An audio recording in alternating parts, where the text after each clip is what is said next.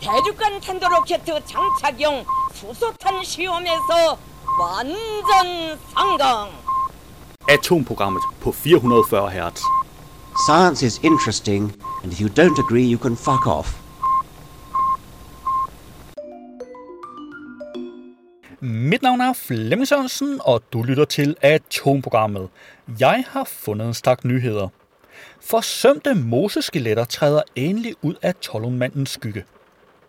Fisk i isolerede søer er måske rejst dertil i fugles tarme. Rekordgammelt koverfund rejser debat. Bør Danmark have en koveralder? To vikingebosteder fundet i Island omskriver historien. Koala er på vej til at uddø før år 2050 i australsk delstat. Studie. Ugandas berygtede egoistiske stamme har været misforstået i et halvt århundrede. Stor dusør. Løs gåden om månetoilet. Valhajer har tænder i øjnene, viser nyt studie. Forskere undrer sig over signaler fra rummet. Hvad foregår der? Og så har vi naturligvis ugens opdatering fra NASA. På videnskab.dk fandt jeg, fisk i isoleret sør er måske rester til i fugles tarme. Der findes søer så isoleret, at det kan undre en, der findes fisk i den. Hvordan er de havnet der? Noget forskning har vist, at disse fisk ofte minder så meget om andre fisk fra mindre isolerede områder, at de må være migreret dertil. Nu har forskere fra Ungarn undersøgt, om vanddyrene er kommet dertil ved at bruge enders tarmsystem som transportmiddel. Og meget tyder på, at det meget vel kan være muligt. Forskerne har fodret 8 gråænder med 500 æg fra henholdsvis almindelige og preussisk karpe. Efterfølgende fandt de i seks af endernes afføring, at der var synlige æg. 12 af dem testede de i en inkubator, hvoraf to klækkede, en preussisk og en almindelig karpe. Det giver en overlevelsesrate på bare 0,2 procent, men det er også nok til at støtte forskernes teori. Karperne er nemlig kendt for at kunne reproducere sig selv helt aseksuelt, altså uden parring. Du kan naturligvis finde et link til artiklen i show notes. På videnskab.dk fandt jeg to vikingebosteder fundet i Island omskriver historien.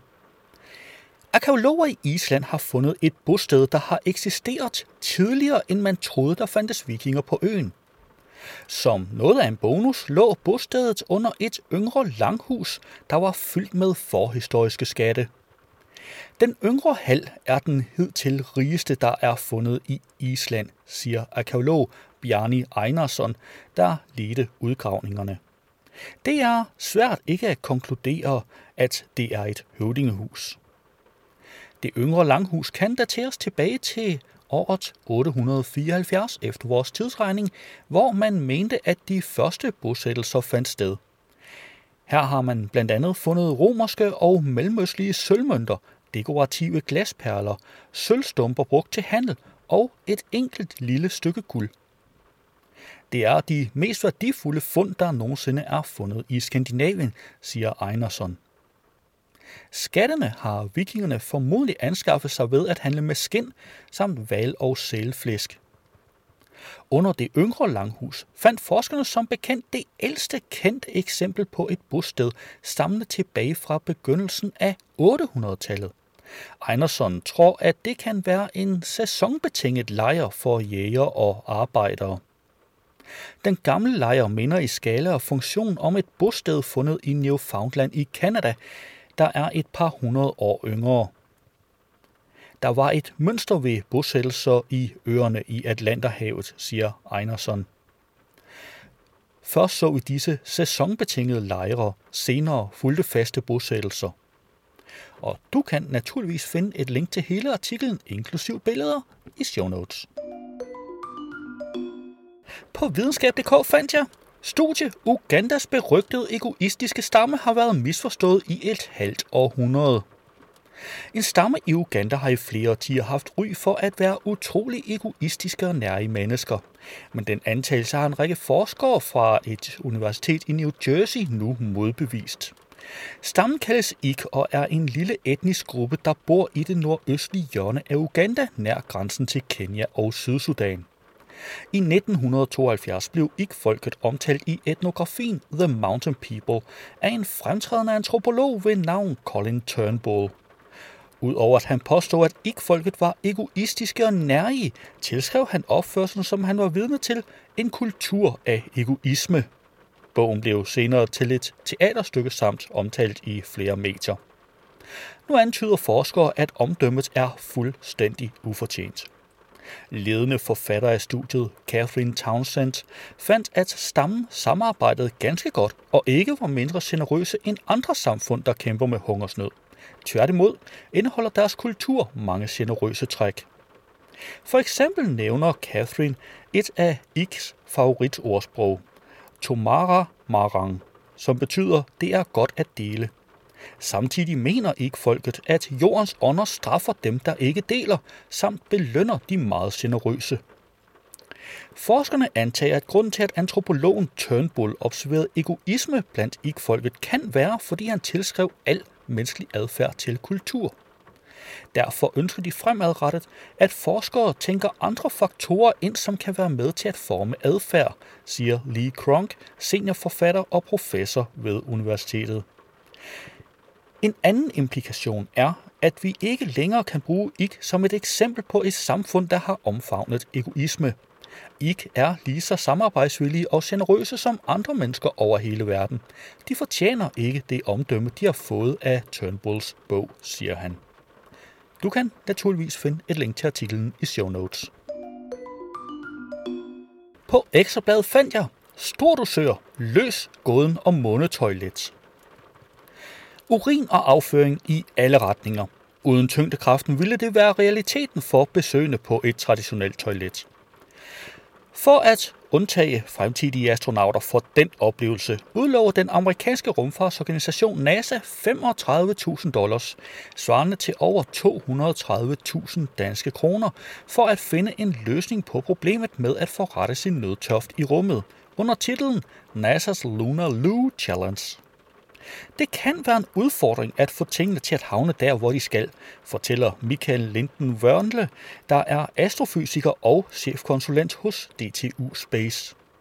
I den vægtløse tilstand på rumstationer og tidligere rumfærger har man benyttet sig af luft til at få dirigeret både urin og afføring i den rigtige retning. Urin har man så renset, så den kan genanvendes, mens man har sendt afføringen til destruktion. Udover selve udfordringen med funktionaliteten af toilettet, ser astrofysikeren også en anden udfordring. Så er der problemet i, hvordan man håndterer affaldsstofferne. Her er en af tankerne i forhold til månen været, at man kan anvende det stof, der er i menneskers urin, til byggematerialer af det støv, der er på månens overflade så du anvender urinstof, vand og månestøv til at lave en form for cement, der kan bruges i 3D-printning af elementer til månebasen, fortæller Michael om de overvejelser, man bør gøre sig, hvis man vil have en chance for at vinde de 230.000 kroner. Du kan naturligvis finde et link til artiklen i show notes. På videnskab.dk fandt jeg, valhajer har tænder i øjnene, viser nyt studie. Marinebiologer fra Japans Okinawa Shurashima Research Center har fundet ud af, at der findes tænder i valhajers øjne, særligt omkring irisen. Og der kan være op til 3.000 af dem. Der er tale om en form for modificerede tænder, der beskytter dyrets sårbare øjne, mener forskerne. Studiet er udgivet i det videnskabelige tidsskrift PLOS ONE. De blinde kæmper, der kan blive op mod 18 meter lange og primært lever af plankton og fisk, har ingen øjenlåg. Deres øjne sidder til med helt ude på siden af hovedet og er derfor meget udsatte i miljøet omkring dem. Marinebiologerne har undersøgt levende og døde valhajers øjne. Valhajerne stammer fra akvarier i både Japan og USA. Det er aldrig blevet gjort før, så fundet af de knivskarpe øjne er helt nyt. Modificerede tænder findes også andre steder på kæmpens krop. Faktisk er hele kroppen dækket af den. Man kender til modificerede tænder på andre hajer også, men valhajen er det eneste dyr, hvor man har fundet dem i øjnene. Disse mærkværdige tænder beskytter dyr som en rustning mod fare, men reducerer også vandets friktion mod kroppen, så valhajen kan nå en højere fart under vandet. Derudover fandt forskerne også en anden bemærkelsesværdig ting ved valhajen. Den var i stand til at trække øjet ind i øjenhulen, cirka halvdelen af det samlede øjes diameter. Det er altså nemt nok at leve uden øjenlåg, hvis man vel at mærke har tænder i øjnene og er i stand til at trække øjnene dybt ind i hovedet på kommando. Du kan naturligvis finde et link til artiklen i show notes, og der er også både billeder og andre illustrationer. På BT fandt jeg. Forskere undrer sig over signaler fra rummet. Hvad foregår der? Astrofysikere verden over er nærmest gået i selvsving over det her. For hvor kommer de signaler fra, og hvad kan de fortælle os, siger Mads Togdal Fransen. Han er lektor og forsker i teoretisk partikelfysik på Syddansk Universitet, og ligesom andre forskere undrer han sig. I en pressemeddelelse fra Syddansk Universitet bliver det beskrevet, hvordan et underjordisk anlæg i Italien 17. juni opfangede nogle uforklarlige signaler fra rummet. Signalerne, som man altså også har kigget på ved Syddansk Universitet, blev fanget af et observationsanlæg, der har til opgave at lede efter mørk stof. Spørger man Mads Tordal Fransen, kan de muligvis stamme fra en såkaldt elementarpartikel, som først bliver opdaget nu. Erfaring fortæller lektoren, at man skal være ekstremt forsigtig med at overfortolke den slags data. Men når det er sagt, så er det kæmpestort, hvis det virkelig er tale om en ny partikel. Det vil i så fald være første gang siden opdagelsen af Higgs-partiklen i 2012, siger han i pressemeddelelsen. Så frem der rent faktisk er tale om den nyopdagede partikel, som i forskersprog kaldes ALP, vil det være et enormt vigtigt fund. Det understreger Mads Tordal Fransen, som sammen med kollegaer har udgivet artikler i videnskabelige tidsskrifter om netop eksistensen af ALP. Der er en række ting, der ikke er forklaret i vores nuværende model for, hvad universet består af. Hvis ALP findes, kan det forklare nogle af de her ting, siger han og fortsætter. Derfor er det fantastisk, hvis det vidderligt er ALP, de har fundet, fordi det kan være et vindue til en ny forståelse af mørk stof i universet og hvordan elementarpartiklerne fik deres masse. Du kan naturligvis finde et link til artiklen i show notes. Ja, og havde du så hørt radioudgaven i stedet for podcasten, så ville der her have været This Wicked NASA. Men vi har kun tilladelse til at sende den i radioen, ikke i podcasten. Du kan dog finde et link til den i show notes. Lad os se på nogle af de nyheder, der ikke blev plads til i dag. På videnskab.dk fandt jeg, forsømte moseskeletter træder endelig ud af Tollundmandens skygge. De fleste kender Tollundmanden og Gravballemanden.